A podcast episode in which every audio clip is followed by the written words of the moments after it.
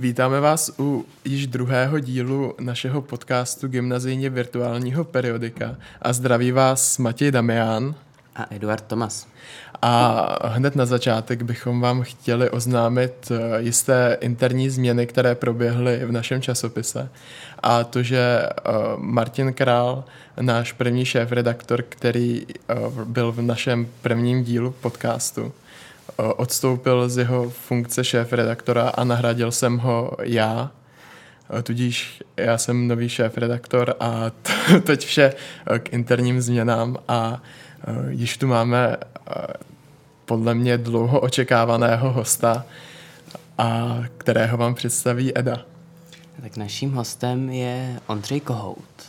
Je považovaný za jednoho z nejvíc hot učitelů na vítězné pláně, ale zároveň jednoho z nejkvalitnějších kantorů na vítězné pláně. Dobrý den. Dobrý den. A já už pro vás mám první otázku. Jak pečujete o své vlasy? A jak peču o své vlasy? Um, tak především mám svého osobního kadeřníka. A naštěstí je to můj bratr, takže se nemusím starat tolik o výdaje a mm, naprosto normálně. Šampon. Žádné speciální produkty. Tak občas nějaký kondicionér, ale jinak standardní používání běžných dostupných produktů. Žádná ezoterie, žádná magie s tím spojená není. Je příhodné, že zmiňujete ezoterii a magii. Věříte v astrologii a, a různé takové, eh, řekněme, alternativní vědy? Uh, úplně ne. Rád se tím občas bavím a, a baví mě nacházet a, různé spojitosti mezi třeba znameními zvěrokruhu, ale že bych se tím řídil v životě, tak to úplně ne. Ale mám takový tendence občas jako sledovat, kdo je jaký znamení, ale že bych tomu přikládal velkou váhu, to ne. Spíše to taková um, zábavná forma kategorizace lidí. A jakého znamení jste vy? Jsem blíženec. Já tady na to mám totiž otázku, která trochu mm-hmm. navazuje. Eh, je kohout i vaše, řekněme, spirituální nebo duchovní zvíře?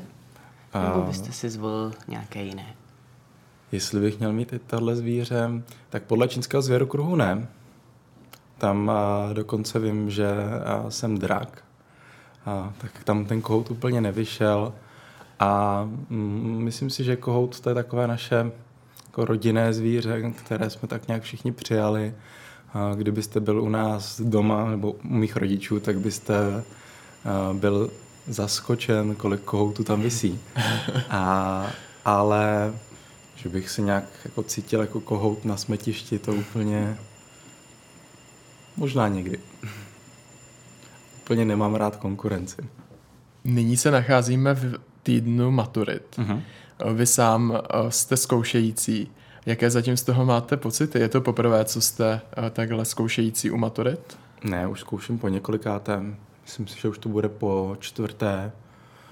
A vždycky je to uh, velká zodpovědnost, zároveň se na to ale hodně těším, protože uh, je to takový završení hodně dlouhé cesty s některými studenty. Některé znám už vlastně čtyři roky a no, učil jsem je, když jsem nastoupil, takže je to velká zodpovědnost a e, zároveň je potom radost vidět, když se jim to podaří. A určitě v některých případech je velká nervozita, protože sám dobře vím, jaké to může být, když úplně nepadne správná otázka, nebo když jde na něco, v čem si nejsem jistý. Takže v tomhle ohledu je to náročné a vyčerpávající emočně. Ví se, že vy jste GVP sám studoval. Mm-hmm. Jak se vlastně maturity změnily od té doby, co, co jste vymaturoval? Jak se změnily? No, a teď se v tom vůbec nevyznám, jak ty maturity mají vůbec vypadat. A jakmile tam vstoupily státní maturity, já jsem ještě maturoval klasickým způsobem, kdy jsme měli čtyři předměty, povinnou angličtinu, češtinu a dva volitelné předměty, tak to bylo takové mnohem jednodušší nebo přehlednější. Teďka mám trošku problém usledovat, co je státní část, co je ta školní část. A, ale myslím si, že teďka je ta maturita je zajímavější tím, jak se tam objevují i další předměty, které třeba rozšiřují to základní, tu základní nabídku. Takže se mi líbí, že se tam dá maturovat z věcí, jako je třeba mm, komparativní dějiny a, a mm, programování a další předměty, protože si myslím, že to víc připravuje ty studenty k budoucímu studiu.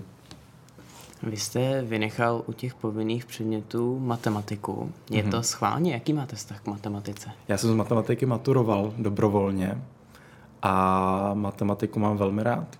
A občas si říkám, jakým způsobem by se odvíjel můj život, kdybych šel na matfis, jak jsem byl přijat. A proč jste se tedy rozhodl na matfis nejít? Hmm, to rozhodnutí vycházelo hodně uh, z takového aktuálního zájmu nebo um, z myšlenek, které mi přišly vlastně takové jako širší nebo všeobsaznější a to z filozofických myšlenek, které mě tehdy vlastně nadchly. A uh, rozhodl jsem se studovat spíš filozofii, uh, kde k té matematice jsme měli aspoň v některých věcech trošku blízko, ale to filozofické myšlení mi přišlo, že sahá dál než, a, než matematika. Matematika a filozofie to často nejde moc k sobě, nebo aspoň vnímám na naší škole, že je zde určitá rivalita mezi předměty humanitního typu a přírodovědných předmětů a předmětů exaktních věd. Jak to, že tyto dvě spojení a vlastně ne, nenacházíte se také na nějaké straně v této rivalitě? Um, já mám občas pocit, že mě studenti vnímají, že jsem na té straně humanitních věd jako odpůrce a těch věd a exaktních, přičemž bych dal exaktní do uvozovek, protože exaktní a, jsou i další věty, které, věty, vědy, které patří mezi humanitní vědy. A myslím si, že řádný psychologický výzkum je exaktní až hanba. A, ale s, mm, nemám nějakou jako potřebu uh, se vyhraňovat vůči těm vědám, možná spíš k určité exaktnosti, kterou uh, občas lidé vnímají u těch přírodních věd, že je v podstatě nespochybnitelná. A já mám naopak tendenci vnímat veškeré vědy nějakým způsobem jako spochybnitelné, což je i podle mě princip vědeckého poznání, nějaká skepse, přítomná snaha ty teorie spochybnit, prohloubit a vzdát se um, nároku na to, že nějaký výsledek bude absolutně jako jistý, a což si myslím, že vlastně není platné, že vždycky budeme docházet nějakých nových poznatků, prohlubovat a zešťovat že to naše vědění bylo v podstatě dost omezené. A spojení filozofie a matematiky vůbec základem filozofie nebo filozofického uvažování tak je i správná argumentace, která vychází z principu logiky. Takže um, myslím si, že ta blízkost je tam velká a, a mnoho filozofů byli v podstatě matematici. Takže myslím si, že ta blízkost je tam i daná historicky. Kdybyste býval šel na Matfis, myslíte, že byste dnes seděl v kabinetu s panem profesorem Staňkem nebo Winklerem, anebo vás ta myšlenka stát se učitelem napadla až v kontextu toho oboru? Myslím toho současného, mm-hmm. který jste si vybral. To je podle mě velmi složitá otázka, uh, protože Eh, si myslím, že mě úplně nedovedl ten můj současný obor k tomu, že bych to chtěl učit. A že jsem se věnoval pedagogice nebo učení spíš a, tak nějak okrajově a to především prostřednictvím divadla a vedením divadelních souborů a různých lekcí. A teprve a, v rámci vlastně studia oboru pedagogického dramatické výchovy, tak bylo nabídnuto možnost učit. A do té doby jsem říkal, že vlastně nechci nikdy učit. A, a takže otázka je, jestli kdybych studoval matfiz, jestli bych se vůbec věnoval třeba divadelní pedagogice, jestli bych um, nebyl někde zahrabaný s matematicko-fyzikálníma tabulkama a nepočítal logaritmy a nebyl spokojený a někde v laboratoři nebo ne, něco šifroval, nevím, co bych dělal. A otázka, jestli bych pak měl vůbec mm, jako potřebu učit. A na druhou stranu uh, si myslím, že, mm,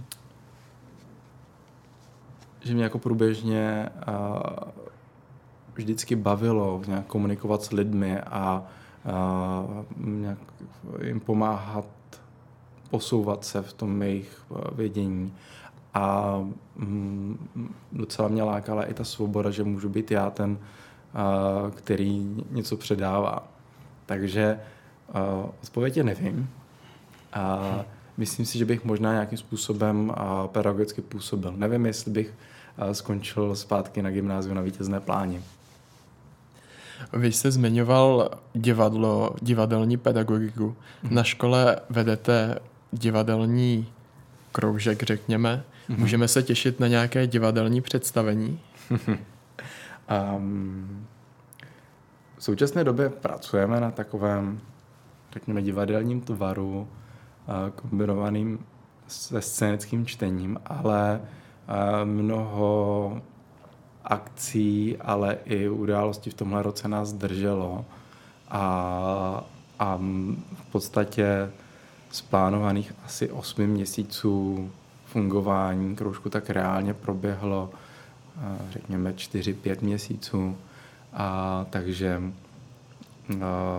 ta naše práce úplně teďka není eh, hotová a, a bude záležet na, na jednotlivcích nebo účastnicích divadelního klubu, jestli budou chtít někoho pozvat.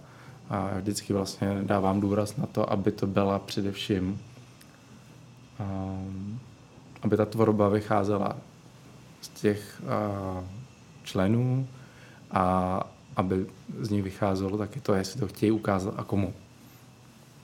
Myslíte, že podobné aktivity jako třeba divadlo, které jsou dnes extrakurikulární, by měly být více zakomponovány do standardní výuky? Uh, vzhledem k tomu, že naše katedra, no katedra, na které učím, na DAMu, katedra výchovné dramatiky to prosazuje, tak to musím, tak musím říct, že ano, protože kdyby slyšeli, že řeknu něco jiného, tak by mě vyhodili. Ale ne, to, to zní jako, že bych s tím nesouhlasil. Já si myslím, že by to měla být nějaká minimálně alternativa k těm mm, dalším estetickým výchovám. Nemyslím si, že by měla být estetická výchova doplněna jenom o divadlo. Myslím si, že určité místo má i filmová a mediální tvorba, která si myslím, že je taky upozaděná v těch školních vzdělávacích programech a v rámcových vzdělávacích programech minimálně na základní škole. A, a vlastně mám i určitý pochybnosti ohledně jakýkoliv pohybově taneční průpravy, která si myslím, že by byla taky podstatná. A, že to je pět takových, krom teda ještě literární, výchovy, pět esteticko-vědních eh, disciplín, které jsou eh, hrozně důležité. A je to jenom taková zvláštní, tradičně historická a, okolnost, že máme jenom hudební a výtvarnou výchovu. Vy jste, jak bylo řečeno, zažil vítěznou plán jak jako student, tak jako kantor. V čem se změnil váš pohled na určité například metody učitelů, které vám byly ve studentských letech nesympatické? Mm-hmm. Myslím si, že a, dokážu teď více, spíš nevím, jestli bych mluvil o metodách, ale a, mnohem více oceňuji odbornost některých a, kolegů. A, a, a mnohem víc jich vážím. A myslím si, že v tomhle jsem i pokornější v současné době, protože vím, jaké množství informací musí ten učitel obsáhnout a, a u některých z kolegů opravdu doslova padám na zadek z toho, co vědí a co co jsou schopni předat a hlavně jak smysluplně. dokážou přidat důležité myšlenky, které otevírají ty obory. A, takže mm, v tomhle myslím si, že kdybych měl srovnat svoji zkušenost jako studenta a pedagoga, tak um, myslím si, že tohle je určitě výrazný rozdíl. A nejvíc asi se to projevilo během uh, lockdownu, uh, kdy jsem třeba s některými byl v kabinetu a mohl jsem je poslouchat během online výuky. A občas jsem se uh, zastavil a uh, místo toho, abych vůbec něco dělal, tak jsem poslouchal je, protože mě to zaujalo. Je něco, co byste doporučil eh, žákům eh, v prvním ročníku a ve vyšších ročnících s ohledem na tu zkušenost, kterou tady máte letitou? V prvním ročníku bych doporučil studentům a studentům ze své třídy to a, a, říkám, aby si našli, co je baví. A, že si myslím, a, že a, ta střední škola není o známkách, a i když a, celkově naše školství na tom hodně lpí, a studenti na tom hodně lpí, a, ale hlavně zjistit, co, co mě baví, co vlastně bych chtěl dělat a čemu bych se chtěl věnovat, a, protože a, je takový smutný pohled na toho studenta, který vlastně neví, z čeho chce maturovat, protože ho nic nezajímá, a chce hlavně tu školu projít a, a je naopak radost vidět někoho, kdo a, zapáleně mluví o tématu, který si vybral, který ho nadchlo a kterýmu se chce do konce života věnovat. A to myslím, že je jako zásadní v tom prvním ročníku už si zmapovat, a k čemu bych se třeba chtěl věnovat. Um, myslím si, že uh, zásadní se takhle nezaseknout a nečekat, až co přijde nebo kam mě přijmu na vysokou školu, co budu dělat, ale už se nějakým způsobem směřovat.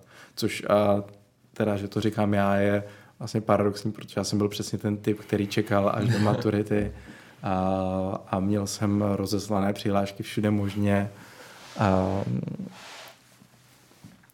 všude možně na všechny typy oborů od a, vlastně jako politicko-historických přes právě přírodovědní. Takže v tomhle ohledu myslím, že je dobré prostě najít si ten zájem a v těch dalších ročnících ten zájem sledovat a třeba upozadit ty ostatní, přestože jsme všeobecné gymnázium, měli bychom se věnovat všemu, tak nemusíme ve všem excelovat podle mého názoru. Ale určitě nepropadat, nepropadejte. S tím, že jsme všeobecné gymnázium, ale měli bychom si najít něco, co nás zajímá, Myslíte si tedy, že by bylo ideální dát větší prostor těmto extrakurikulárním aktivitám? Hmm. Asi by záleželo, co všechno do těch hmm. extrakurikulárních aktivit bychom zahrnuli. Myslím si, že vlastně eh, oceňuju, jak mnoho studentů se věnuje a různým aktivitám nad rámec a té běžné výuky. A přijde mi to skvělý a, a vždycky mě to fascinuje. Vždycky mě to fascinuje, jak dokážou a, najít čas i na něco, co je vlastně mimoškolní aktivitou, ale s tou školou nějak svázanou.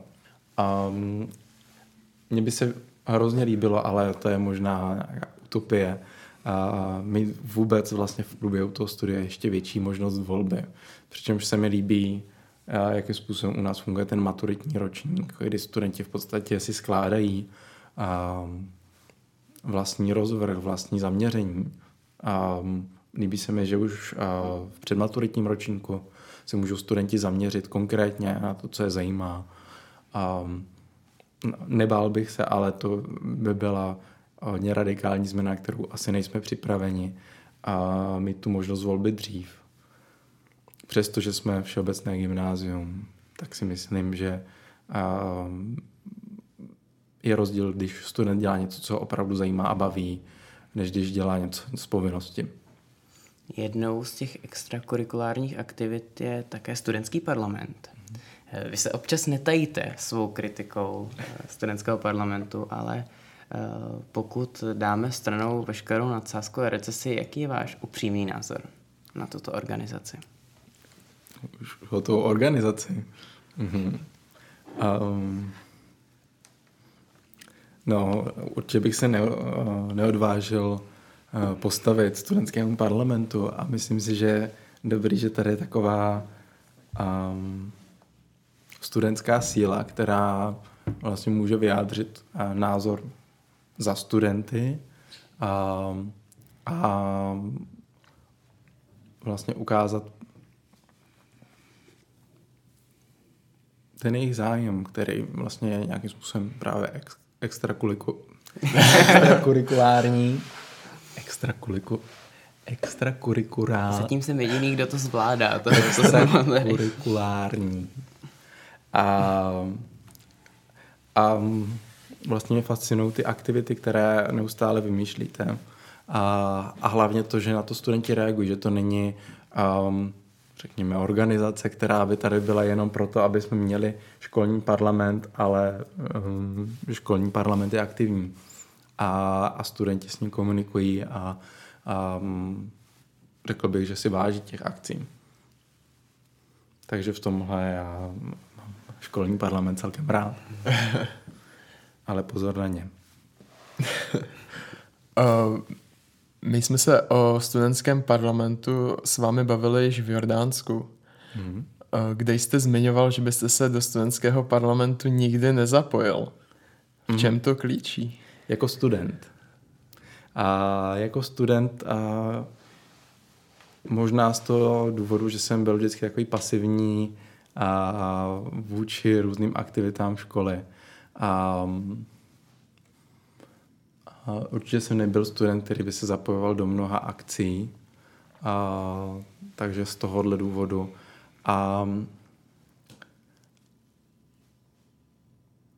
a vlastně se mi a, trochu dřív, no dřív, a, přičel se mi takový a, ten elitismus, a, který školní parlament, mám trošku pocit, a zosobňuje a, což ale nevnímám nějak jako s odstupem jako něco špatného. A, takže spíš to byla taková jako osobní preference. Když už jsme u Jordánska, mm-hmm. vy jste vlastně samoukem arabštiny, pokud se nepletu. Samouk arabštiny nejsem. Já jsem se i systematicky vzdělával v arabštině. Proč zrovna arabština? Protože v rámci studia filozofie tak je potřeba projít i různými jazykovými kurzy. V bakalářském studiu tak je povinnost mít zkoušku z dvou jazyků, mluvených jazyků současných, což bývá většinou angličtina a nějaký další hlavní jazyk, většinou němčina nebo francouzština. A k tomu ještě musíme projít kurzem latiny a starořečtiny a v magisterském stupni se potom eh, musí eh, student dovzdělat buď ve starořečtině nebo v nějakém jiném prameném jazyku. A což eh, na výběr bývá sanskrt, hebrejština a nebo arabština. A pro mě bylo, no, mně se příčilo učit se jazyk, který je mrtvý, který nevyužiju, který a je mluvený třeba nějakou malou částí světa jako hebrejština, nebo v části světa, která mi třeba nějakým způsobem není, není pro mě atraktivní, jako třeba Indie. A, a, a zároveň mě vždycky ohromovala arabská a celkově islámská kultura. Takže jsem se rozhodl vlastně studovat arabštinu v rámci studia filozofie a, a studoval jsem ji jako součást čtení Koránu. Jsem se učil vlastně arabštinu na koránské arabštině a pak jsem překládal i v rámci diplomové práce a arabský filozofický text. A k tomu jsem absolvoval vlastně kurzy moderní arabštiny, ale um, bohužel to trošku zarezlý. už se nevyjadřuju dobře a bohužel nikdy jsem se nedostal na takovou komunikativní úroveň, jak bych rád. A je tedy něco, co byste vzkázal našim arabským posluchačům? Uh, šukran. Uh, úplně nejsem uh, teďka v to říct, ve stavu nějaké jako komunikace v, a plynulé komunikace v arabštině. Ale um, vzhledem k tomu, že se do Jordánska nebo do Izraela Jordánska chystáme znovu, tak uh, jsem si dal takový předsezetí, že do příště trošku na svoji arabštině zapracuji. Nechtěl byste tedy v rámci nějakého posílení své, svých znalostí arabštiny po vzoru pana profesora Juna založit uh, volnočasový klub arabštiny? uh, a já bych ho měl vést? Ano, ano. Hm, to úplně nevím, jestli bych byl schopen a myslím si, že by to bylo takové, že by byl o lekci napřed před studenty a takže nevím, to si úplně netroufám. Psaní a arabské abecedi si u mě studenti vyzkouší v maturitním ročníku. Eh, pro vás, jestli se nemýlím, tím dalším jazykem kromě angličtiny a arabštiny je francouzština. Vy? Eh, souhlasíte s tvrzením, eh, kolik jazyků umíš, tolikrát si člověkem? Uh, naprosto. A uh, vždycky mě hrozně mrzí, že jsem tak málo člověkem. A, Čtyři lidé, to už je poměrně dost. Mm, ale čtyři velmi nepořádní lidé. Je tedy nějaký další jazyk, který byste se chtěl naučit? Mm, a mrzí mě, že jsem, a, mm, bych to tak řekl, odflákl svoji Němčinu a ještě na základní škole. Ne, že bychom ji měli na základní škole, ale protože a, moje babička tak a, byla původem ze Sudet a v podstatě byla rodilá mluvčí. A, a takže a trošku teďka si nadávám, že jsme spolu víc třeba tu Němčinu nedělali, nebo že jsme v podstatě spolu nemluvili jenom německy, protože jsem mohl mít a, nejen usnadněnou práci, ale přístup k té Němčině opravdu z první ruky. Já mám takovou odlehčující otázku. Mm-hmm. Utkal byste se raději se sto myšmi proti pěti kočkám, anebo naopak? Se 100 myšmi proti pěti kočkám a já bych byl na straně těch 100 myší. A vy byste si mohl vybrat, na čí budete straně právě. Uh-huh. A asi s těmi myšmi. Proč se ptáte? Jenom je, jaké máte třeba strategické přemýšlení, jakou preferujete hm, skladbu armády, preferujete tedy eh, spíše ten sovětský nebo ruský způsob vyslat masy do zabíjecích strojů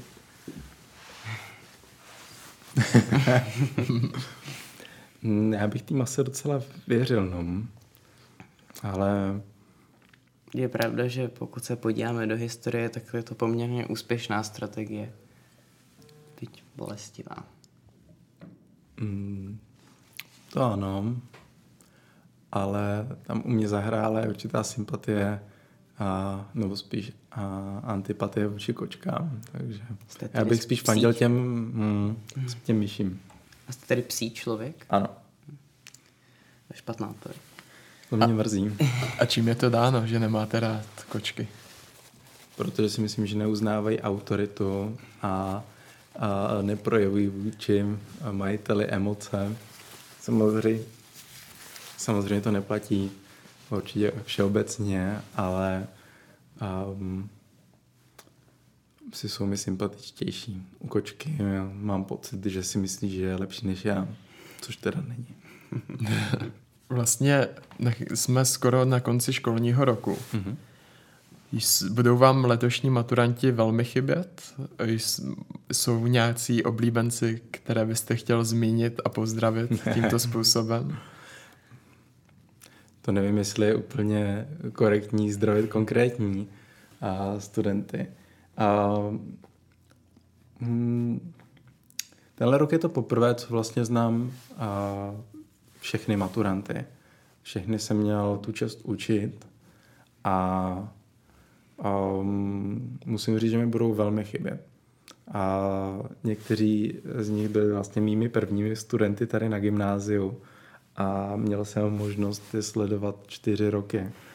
A um, když vlastně dneska domaturovali poslední z mých studentů, tak, um, tak musím říct, že to bylo dost uh, až sentimentální pro mě. A včera jsem zjistil, že nebudu moc být na po maturitním večírku a, a hodinu jsem tak jako vysedával a byl z toho přepadlý, protože a, mi budou opravdu hodně chybět a myslím si, že a, jsou výborný. A, a pokud ne v ZSV, tak v dalších předmětech. A, a byla opravdu jako čest se s ním stýkat a výdat a mít možnost a mě aspoň třeba nějakým způsobem ovlivnit a posunout. S maturanty jste byl i v Jordánsku, kde jste se velmi bavili a proto bych se vás rád zeptal, jaký byl váš oblíbený zážitek z Jordánska? Z Jordánska? Já si to teď procházím v hlavě. A Můžete říkat i něco, co byste normálně neřekl, třeba školnímu vedení. um, my se tomu nebráníme, my to vyhledáváme. Jasně, jasně. Um, velmi mě bavilo jako obecně a právě pro mě nejsilnější zážitek byl, že jsme se mohli s, se studenty bavit na nějaký neformální úrovni a že jsme a, společně mohli dát vodní výjimku a, a pobavit se o tom, co třeba v mých hodinách vnímají jako špatný a na velmi neformální úrovni, což pro mě bylo hodně cené, že to dokázali říct a upozornit mě na to. A u některých jsem zjistil věci, které bych normálně ve výuce nezjistil, kam směřují, co je baví, a co by chtěli dělat, což mě taky moc vlastně jako bavilo, těšilo. A, nejlepší zážitek pro mě byl, když jsme mohli takovým způsobem a se spolu mluvit díl nějak jako neformálně a to a asi cestou do Petry a když jsme v podstatě měli takový celodenní výlet a, a neustále jsme se tak míchali a potkávali s různými lidmi. Um, to bylo opravdu skvělé. Co vám v hodině udělá opravdu radost a co vás naopak rozhodí či dokonce eh, rozlobí? Nejvíc mi udělá radost, když uh, vidím, když uh, se zapojí aktivně i student, který třeba uh, základ společenských věd nemusí a je vidět, že je do toho tématu zabraný a, a argumentuje doptává se nebo zastává nějaké stanovisko. A co mě a, a obecně, když vidím, že studenty to téma zaujalo a baví je, a, a je to vidět na, na výrazu v tváři, a na tom, jak aktivní jsou, a vždycky se to dá poznat. Co mě a, dokáže naštvat a jsou a někdy drobnosti. Nesnáším v hodině telefony a mm, když mám pocit, že je zajímavější hra, kde stačí opakovaně mačkat, klikat na display, místo toho, aby mi věnoval ten člověk pozornost. A dokonce i telefony jednoduše nesnáším, ale rád je jako využívám jako metodu, ale vadí mi, když je to jenom nějaká forma ukrácení si času, která ještě velmi ostentativně dává na, na odiv, abych až tak řekl. A nebo když už je něco vlastně jako zahranou, jak jako vůbec komunikace. A že si myslím, že nejsem nějak striktní učitel, co se týče vyžadování pořádku a vyžadování a kázně, Myslím si, že v některých věcech jsem hodně liberální, ale když už je to za hranou vůbec slušnosti, mezilidské komunikace nebo slušnosti vůči ostatním v té třídě, tak mě to dokáže hodně naštvat. Kantoři často mývají neoblíbené pasáže v osnovách nebo látku, kterou často neberou rádi. Máte i vy takovou látku? um, on, ono by záleželo, jestli um, by měl jít o konkrétní třeba um, společenskou vědu, protože v těch základech společenských věd tak toho je a, a hrozně moc. A, takže tam bych asi vybíral, k čemu mám větší sympatie, k čemu menší, co a, a raději učím. A z toho třeba nerad, nebo a mám respekt takovým těm předmětům, který, a, který nejsou přímo mým oborem, a což se pojí třeba s právem a s ekonomí, ale a pak samozřejmě záleží na těch konkrétních předmětech. V některých něco nerad vykládám, protože a třeba mám pocit, že bych potřeboval k tomu ještě víc informací si zjistit nebo načíst, nebo a, mm, vím, že třeba výzkum se už posunul dál a že by bylo potřeba to nějak aktualizovat, ale nemám úplně čas a, mm, to připravit takovým způsobem, abych načetl články a knihy k tomu tématu. Takže spíš taková nejistota u některých témat. Běžme od školy dále. Mm-hmm. Jak vypadá váš volný čas? Co děláte rád, když, když nejste ve škole a nemusíte řešit nic do školy? Um, hm. Rád sportuju. Snažím se sportovat každý den. A, nebo takhle sportuju každý den. A to jsem si díky covidu naordinoval a už třetím rokem tak to v podstatě držím. A baví mě v podstatě jakýkoliv sporty. Chodím na squash, a chodím na akrobaci, a baví mě yoga, a baví mě běhání. A rád čtu, a v podstatě pořád. A, takže to je taky taková jako, činnost, která mě hodně naplňuje. Dřív jsem hodně hrál na kytaru a věnoval se klasické muzice. Rád cestuju. Kdykoliv to jde, tak se snažím nějakým způsobem cestovat minimálně po republice. Rád vařím. Hlavně velmi dobře vařím. Vy jste zmínil to čtení, mm-hmm. patří eh, k vašemu pravidelnému čtení i čtení našeho časopisu? Ne. To je opravdu škoda. Rád čtu beletry a k časopisům se bohužel nedostávám, a, ale rád poslouchám časopisy ve formě audioknih nebo audio nahrávek. Takže by mohly být třeba nahrané po způsobu a respektu a v takovém případě budu poslouchat rád cestou do školy. A tento podcast si poslechnete? Poslechnu. Praví se o vás, že nyní jste ve vztahu s bývalou vaší studentkou. Co je na tom pravdy? Je to pravda. A, ale to vztah, který vznikl až a, po maturitě, a, takže dokud jsme byli a, v nějakém vztahu učitel, studentka, tak to byl normální vztah a profesionální. Jaké jsou tedy vaše reakce na to, když slyšíte, že máte spoustu nápadnic z řad studentek? Um,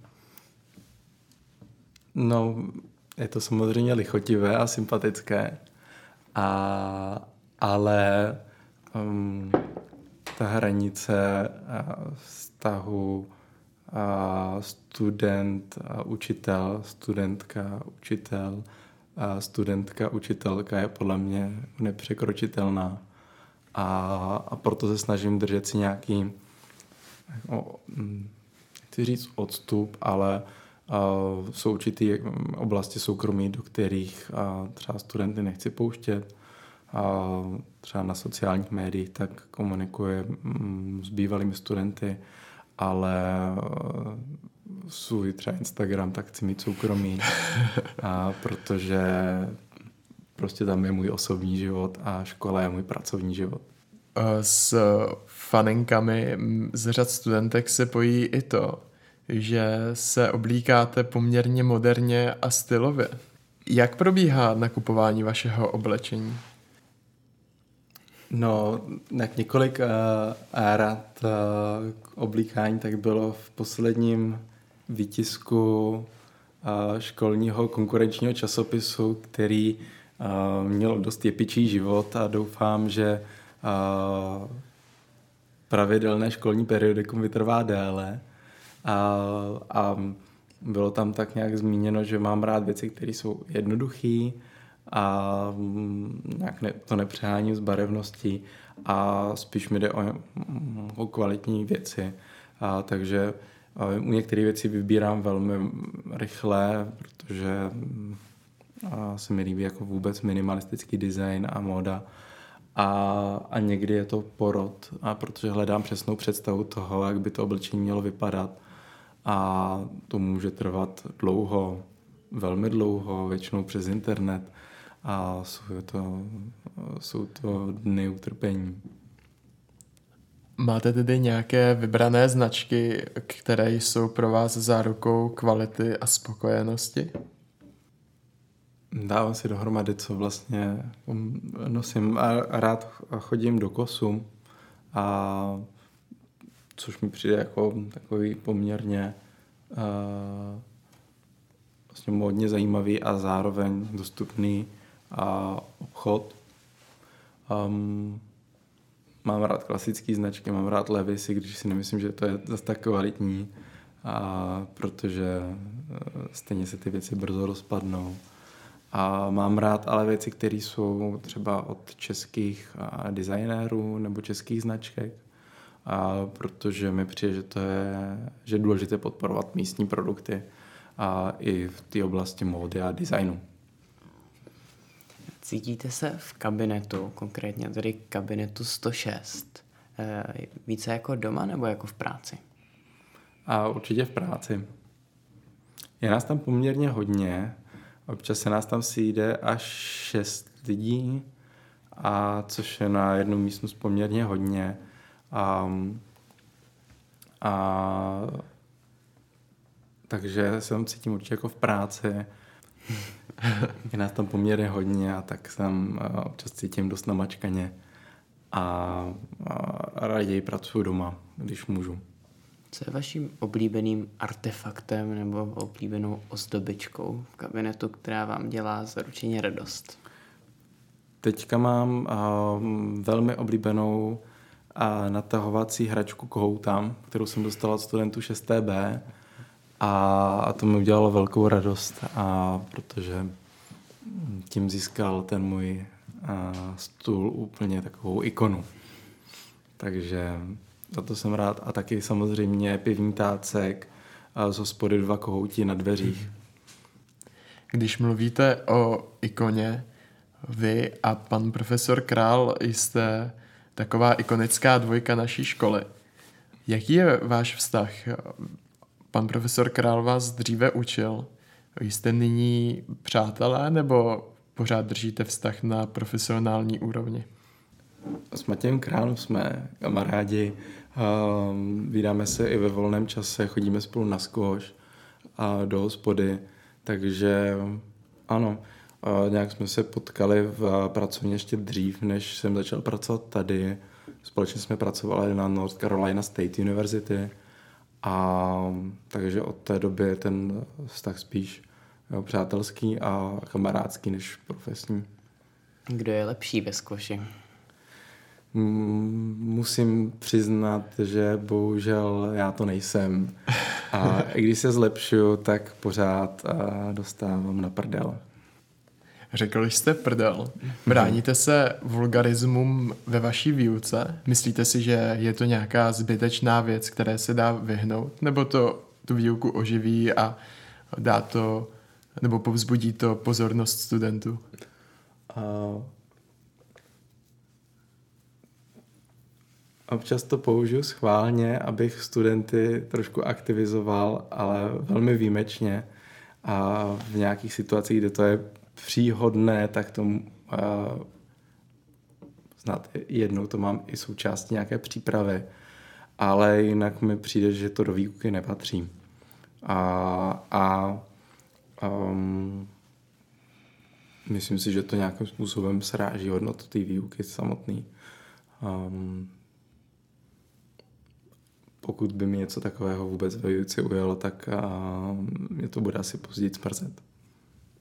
V rámci vaší výuky ZSV mm-hmm. se také dotýkáte tématu závislosti a návykových látek. Máte s návykovými látkami, a teď neberme uh, v potaz alkohol a tabák, nějaké zkušenosti? Mm, v podstatě ne. A já myslím, že je dobrý, když člověk uh, ví, jaký jsou jeho hranice. A já třeba um, mám uh, asi k závislostem trošku um, tendenci, nebo vím, že některé věci jsem třeba nebyl schopen kontrolovat takovým způsobem, jak bych chtěl. Ať už to bylo hraní počítačových her, nebo o, třeba závislosti, které jste zmínil, a co se týče kontroly nějak alkoholu a nikotinu. A že v tomhle tom vím, že prostě nejsem schopen tu závislost kontrolovat tak, jak bych asi byl rád, proto se vyhýbám psychotropním látkám a v podstatě s ním nemám žádnou zkušenost.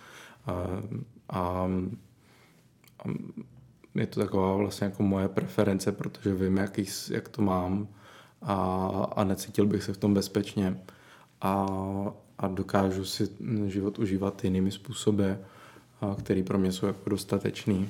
Myslím si, že tak je to jako správně.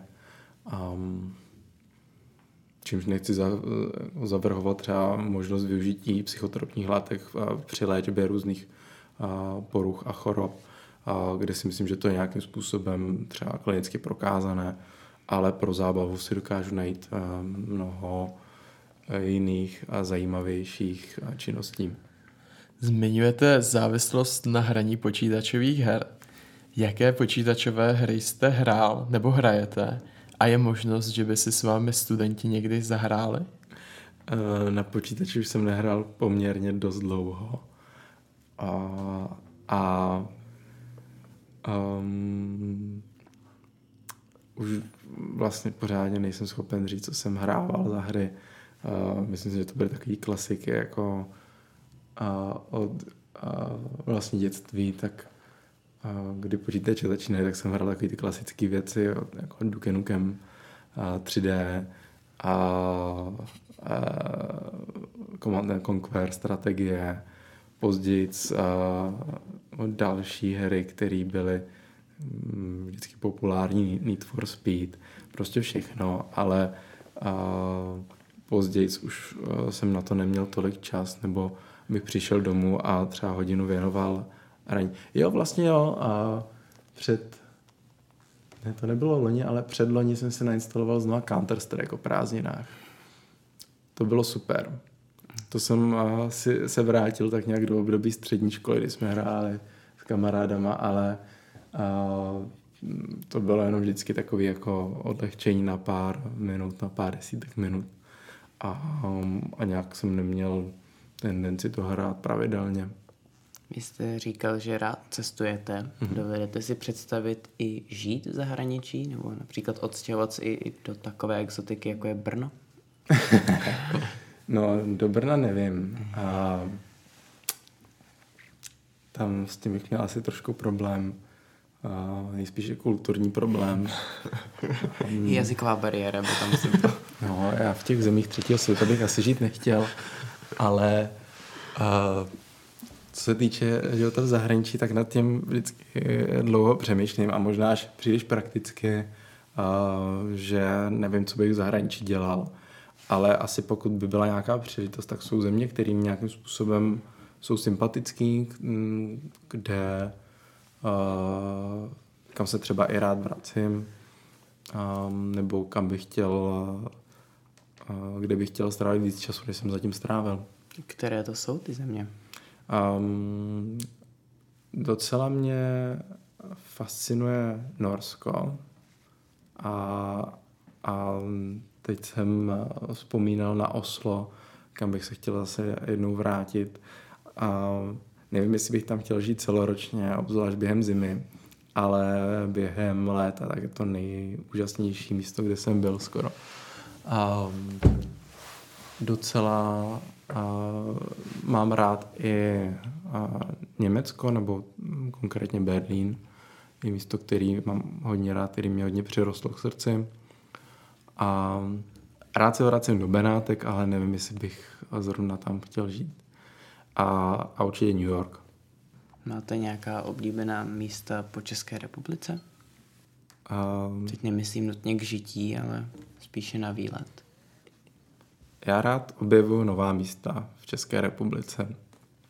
A zrovna lockdown spojený s různými omezeními cestování mimo republiku, tak byl příležitostí k tomu začít objevovat zase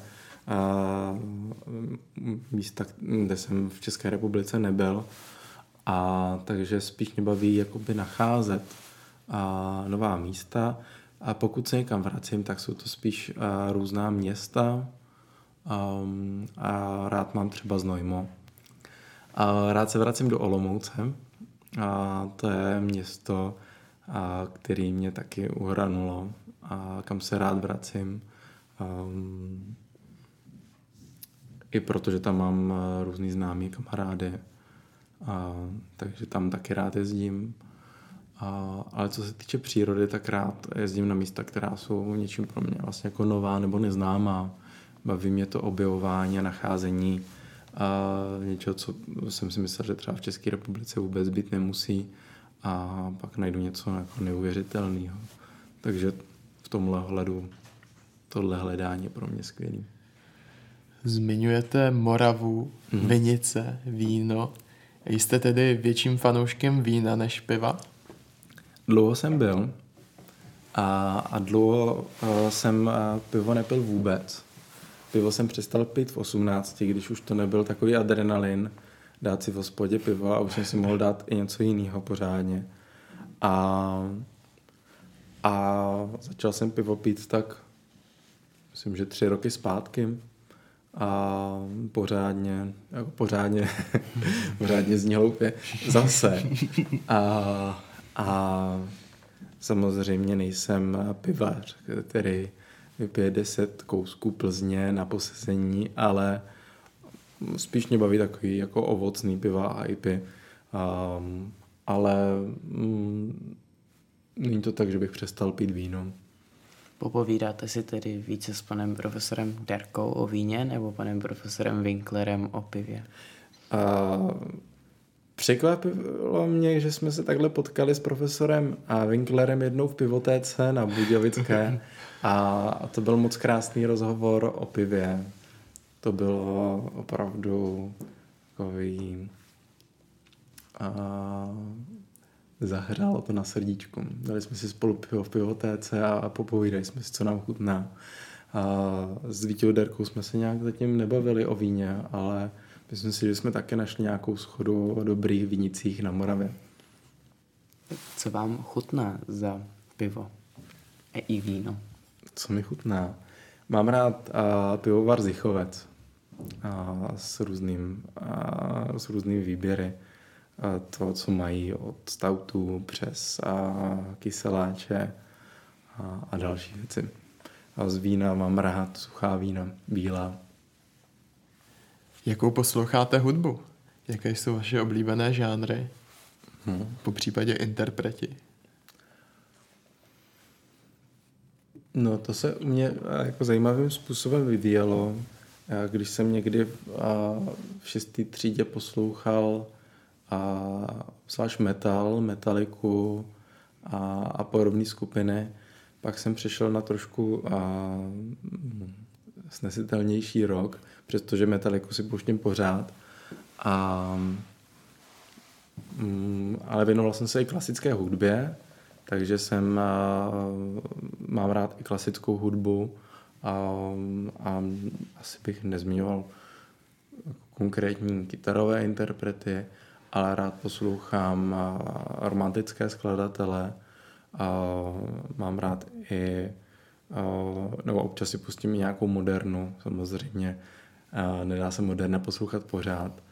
A kdybych měl zmínit nějaké klasické interprety tak, nebo skladatele, tak určitě Janáčka, um, Stravinského. A z té moderní hudby tak mě baví v podstatě všechno, uh, krom uh, všechno, co se dá poslouchat, takže krom country.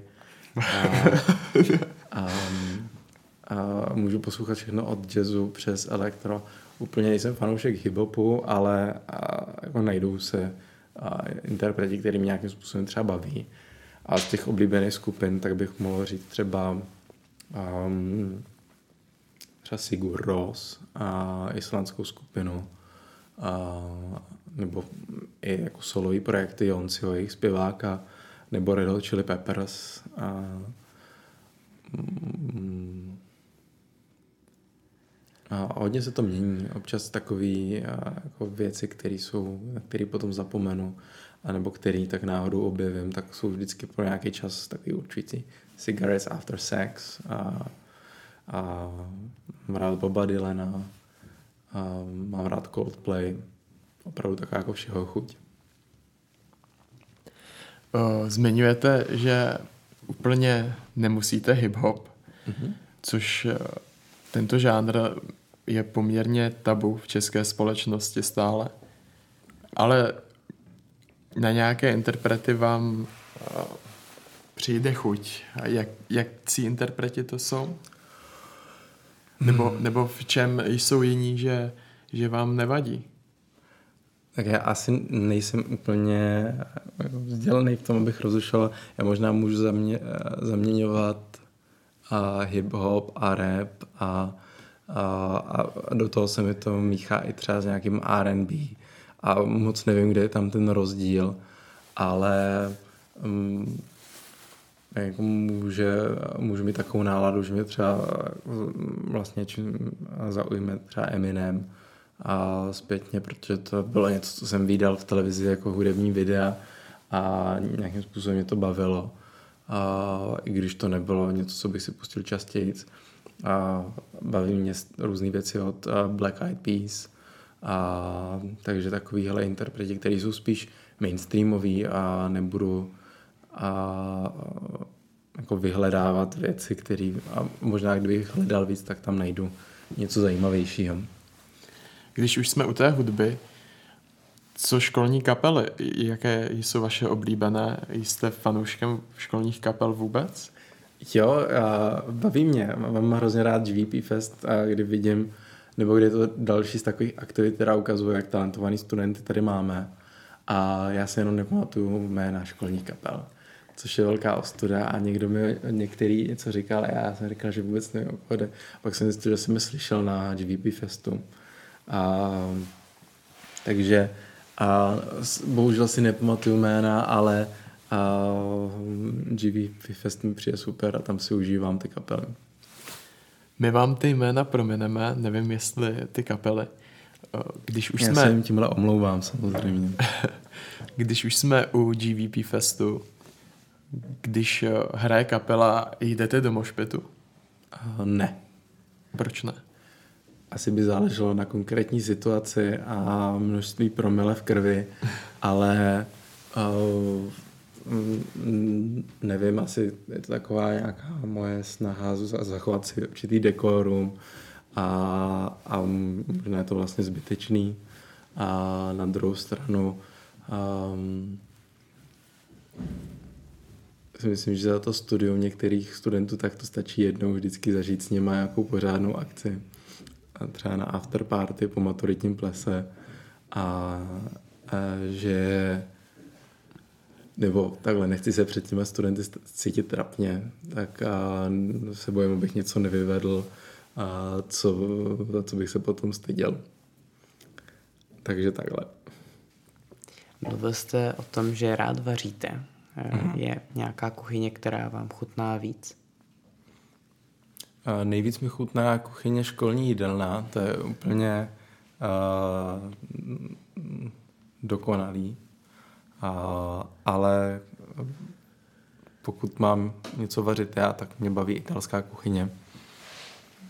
Možná taková otázka, která bude nepříjemná zodpovědět, mm-hmm. ale eh, je lepší kuchyně od maminky nebo ze školní jídelny? Ze školní jídelny. Promiň, mami. Zvažoval jste tedy mm, kariéru kuchaře ve školní jídelně, když, když jste se rozhodoval pro práci zde?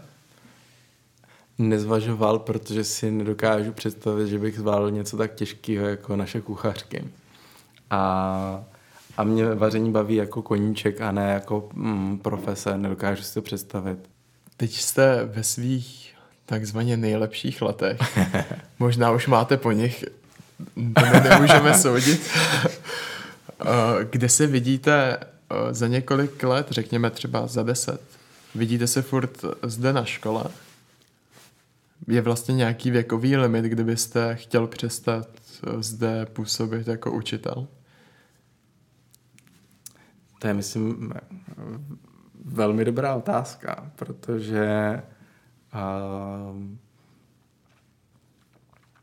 mě ta práce hodně baví a naplňuje a zároveň ale vnímám, že se potřebuji nějakým způsobem posouvat, a což se mi neustále daří minimálně v tom, že každý rok přichází nějaká nová výzva a, a spojená s tou profesí nebo a, s nějakým konkrétním úkolem tady na škole nebo i a, při výuce na vysoké škole tak pořád mám zatím pocit, že se posouvám a, a myslím si, že ještě pár let budu mít v čem se posouvat. A minimálně další tři roky, tak jsem plně zavázán a svojí třídě, a kterou chci dovést k maturitě. A, takže o, takhle v nějakém horizontu určitě ještě budu učit a budu učit rád nevím, jestli je pro mě taková idea učit uh, do důchodu. A nedokážu si to úplně představit, že dalších, řekněme, 30 let dělám v podstatě to samé. A ten horizont deseti let je tak asi nejzajímavější, nebo uh, myslím si, že tam už přijde ta fáze, kdy budu potřebovat uh, se někam přehoupnout. A otázka je, jestli a, jako zůstanu v tom školství a v nějaký jako třeba lepší funkci nebo vyšší funkci nebo možná otravnější funkci a jestli mě to vůbec bude lákat nebo no, jestli se vrhnu úplně jiným směrem, to nejsem schopen teďka říct. Um, ale v současné době vlastně mě to učení baví. A, a myslím si, že to je něco, čemu se budu věnovat. A otázka je, jestli v tom v té podobě jako přímého učení nebo a, nějakých jako dalších učebních a, programů, pozit, vzdělávacích pozit. Měl byste ambice na to se stát ředitelem naší školy? Um, ta myšlenka je velmi lákavá a, a hrozně zajímavá. A uh, přijde mi, že to je něco ale velmi nereálného. Uh, ne proto, že by to nebylo uskutečnitelné, ale že si nedokážu představit, um, že bych uh, se dostal z té pozice kolegy do pozice nadřízeného. A, a myslím si, že je to pak velmi těžký, a když a někomu, s kým jsem kamarád, najednou mám šéfovat. A obzvlášť, kdyby to byl, měl být někdo, kdo vlastně i byl můj učitel. To mi přijde, že je najednou a, taková podivná síť mocenských vztahů, a, do kterých bych se nerad zapletl. Byla by vám práce ředitele ale přesto sympatičtější než pedagogika čistá? Myslím si, že teď odpovídám uh, bez uh, řádné znalosti toho, co všechno ředitel dělá, že nemám úplně jasnou představu a že to nahlížím jenom tou perspektivou učitele, který něco vidí a nevidí ty spousty práce, které jsou uh, za ředitelem a jeho zástupci. Takže do jisté míry vlastně je to pro mě něco, co by mě možná i jednou lákalo, a protože mě a vždycky baví být svobodnější a nejsvobodnější je člověk samozřejmě, který je na nejvyšší pozici. A možná, možná je taky nejvíc vázaný různými pravidly a okolnostmi, normami. A možná teďka svobody mám až až a jako ředitel bych ji tolik neměl. Ale mm, v tomhle mě to vlastně jako láká, že můžu nějak jasně prosazovat to, co si myslím, že je správné. Ano. V současné době s blížícími se prezidentskými volbami se často ozývají až frustrované hlasy s tou politickou situací. Eh, chtěl byste vy být prezident? Samozřejmě až tedy po dosažení té věkové hranice 40 let. ne, nechtěl. No, myslím si, že je to funkce, která by byla natolik podstatná, aby v ní mohl něco změnit. A asi bych vypadal dobře na známkách, ale to je tak. A možná bych vysel pak v každé třídě, ale kvůli tomu to dělat určitě nechci. A obecně vlastně ta oblast politiky pro mě není nějakým způsobem atraktivní. A co třeba pozice ministra školství? Já vím, že to je stále politická funkce, ale přeci jen je to uh, nějaká funkce, kde můžete něco přímo změnit v oboru, hmm. kterému se věnujete, který máte rád. To už mě pasujete hodně vysoko a myslím si, že uh, bych musel být mnohem ambicioznější, abych uh, se na takovou pozici dostal. Takže nemyslím si, že v naší politické a sféře, tak a bych se já mohl vůbec stát ministrem a školství. Něčeho, něčeho jiného, ano? Ne, myslím si, že vůbec nejsem typ na, na ministra nebo na nějakého politika nebo vůdce určité strany nebo člena politické základny, že nejsem dostatečně jako s, angažovaný v různých jako, takovýchhle aktivitách. Když jsi si vybíral, na jaké gymnázium půjdete, eh, myslím ve vašich studentských letech, mm-hmm. tedy ze základní školy, proč jste si vybral právě gymnázium na vítězné pláni?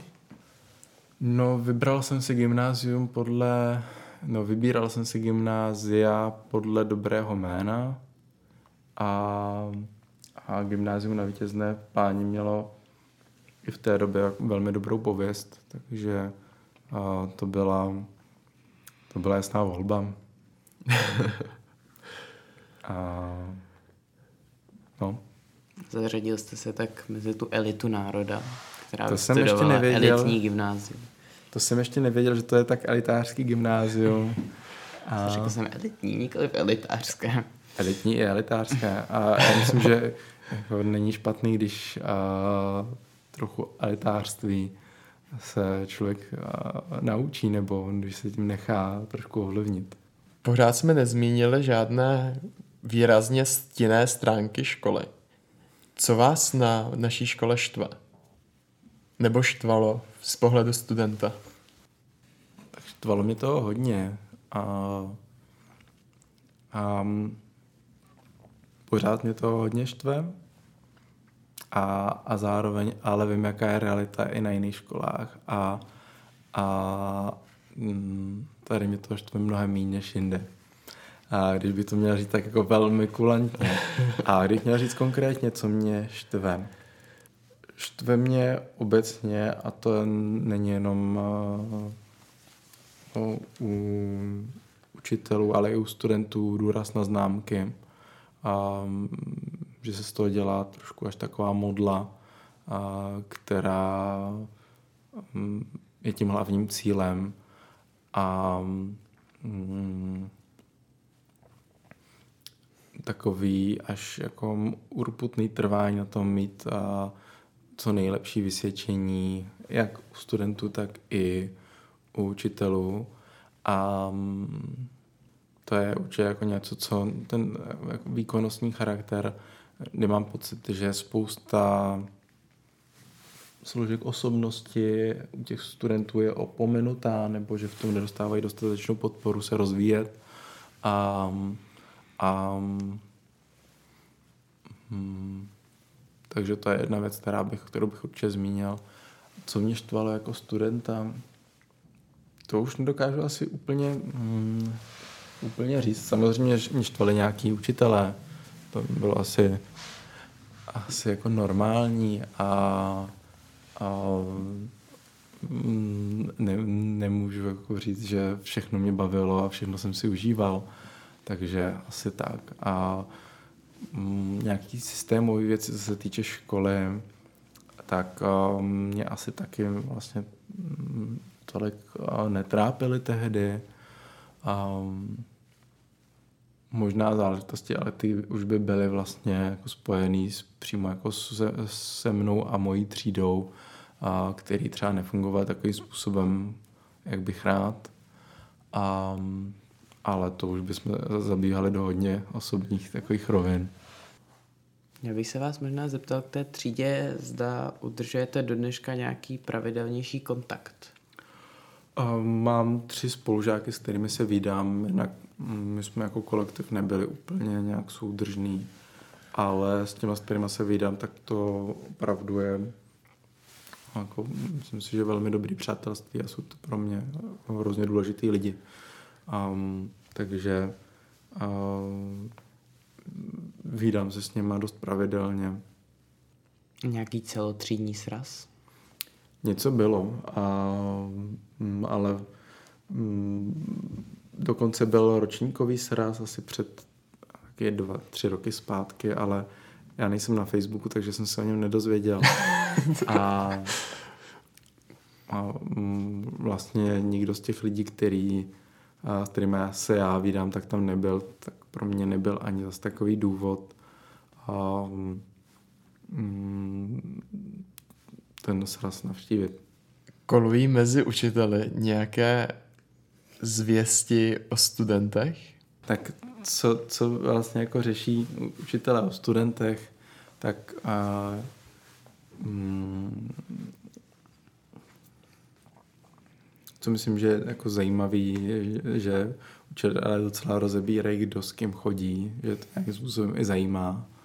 A mm, určitě u některých studentů um, tak kolují historky o tom, čím se třeba nějak jako vyznamenali třeba i neblaze a na různých akcích.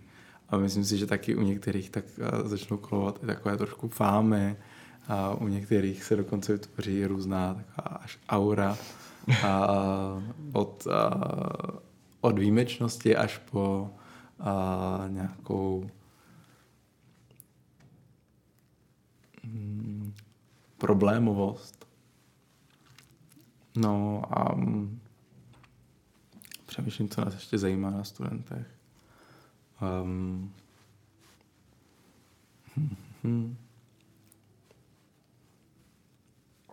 Myslím si, že zajímavý téma, který se často mezi učiteli řeší, že je to něco vlastně, co um, za mého studia úplně nebylo častý, že řeší učitele sexualitu studentů, že to téma, který vlastně nějakým způsobem je a pro některé třeba nové, pro některé to může být těžko pochopitelné a zároveň ale vnímají, že se ta doba změnila, že nějakým způsobem potřeba tyhle ty věci reflektovat. Přičemž si myslím, že vlastně o, mm, těmhle otázkám tak jsou jako hodně liberální a že je to pro ně jako věc, který se snaží pochopit ty studenty a jsou střícný. Takže vlastně je to pro ně taková mm, oblast, který se snaží vůbec zorientovat. A, a třeba když já jsem byl student, tak tohle úplně nebylo jako častý a vůbec, aby tam byli studenti, nebo aby ve škole byli veřejně studenti s jinou sexuální orientací. Tak a to si myslím, že je jako velký posun a téma i pro učitele, o čem se bavíme. Provozujete vy sám rád tyto v uvozovkách trby o studentech?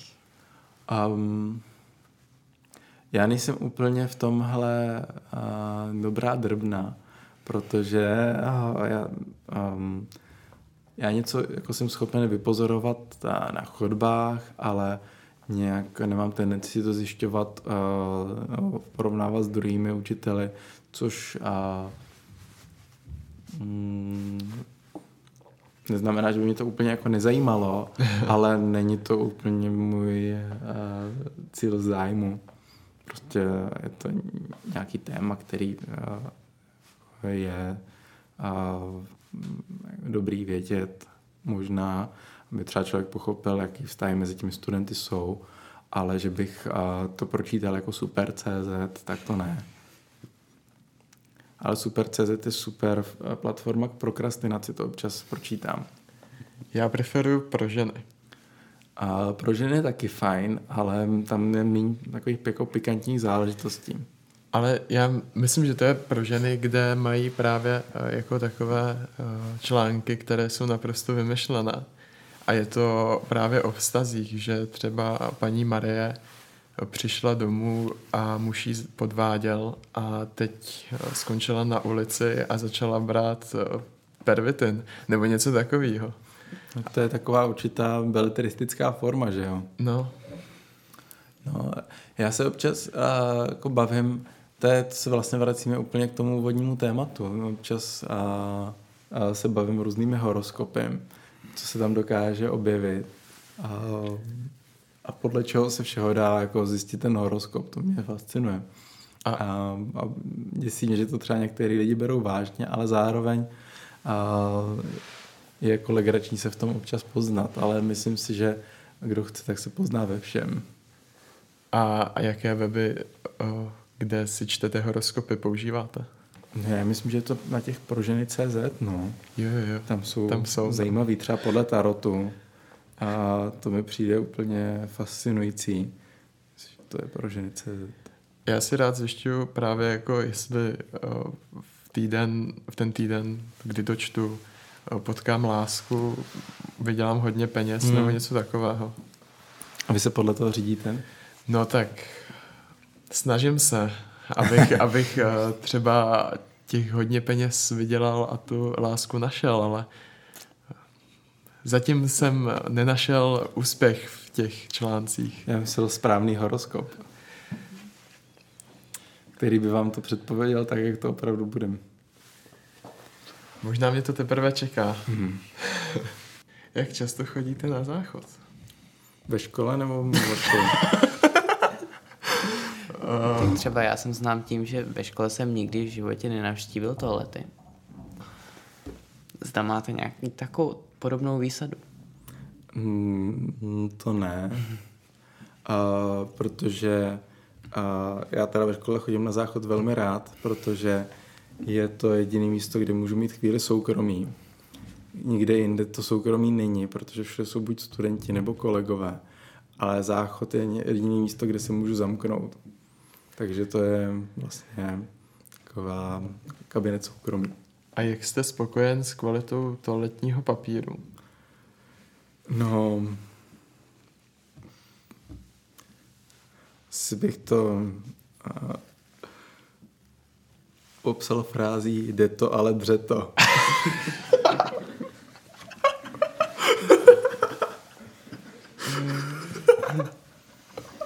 tak o tom ví nejvíc, Matěj. to je ale tak přesně. Já jsem začal nosit svůj toaleťák.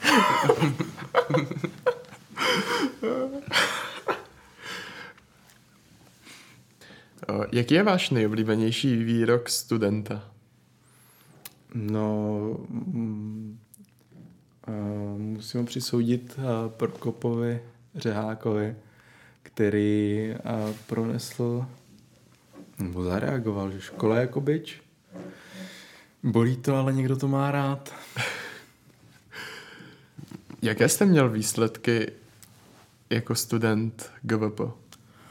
Mm, a většinou dobrý, nebo mm, občas nějaká ta trojka na vysvědčení a um, jedničky, dvojky, tak nějak nejčastěji velký zklamání byla maturita, která mi vůbec nevyšla. A, mm, takže myslím si, že i studenti, kteří třeba a, usilují o to, že budou mít a, sami jedničky, tak um, tak prostě nemusí vždycky uspět a že fajn se s tím nějak potom vyrovnat. A na vysoké škole jsem si to vynahradil dostatečně. Jak to zní, když zakokrháte? Mm. Cítím se nucen teďka zakokrhat tady do podcastu, ale to já vám takovouhle radost neudělám, protože to bude znít špatně. Přesto byste mohl aspoň malinko naznačit. Kikiriky. Tímto závěrečným zakokrháním bychom se s vámi chtěli rozloučit.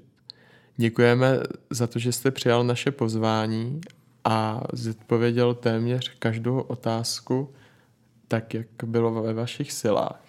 A na závěr bych se vás chtěl ještě zeptat, jestli byste chtěl něco vzkázat vašim studentům, nám, kolegům nebo absolventům. Já bych všem studentům vzkázal, aby na sebe byli mírní, aby věděli, kde jsou jejich hranice a aby se nepřepínali tak, že jim to může ublížit. Aby nezapomínali na svoje duševní zdraví a našli způsob, jak o něm pečovat. Našli způsob, jak o něj pečovat. My vám děkujeme a loučí se s vámi Eduard Tomas a Matěj Damian. A nezapomeňte nás sledovat jak na facebookových, webových, tak i nově instagramových stránkách, kde nás všude můžete najít pod názvem GV Periodikum. A na webových stránkách to je gvperiodikum.wordpress.com. Takže sledujte a můžete nás poslouchat i na všech streamovacích platformách. Děkujeme. Jo! Uh, super! A ještě ten umělej smích by to chtělo.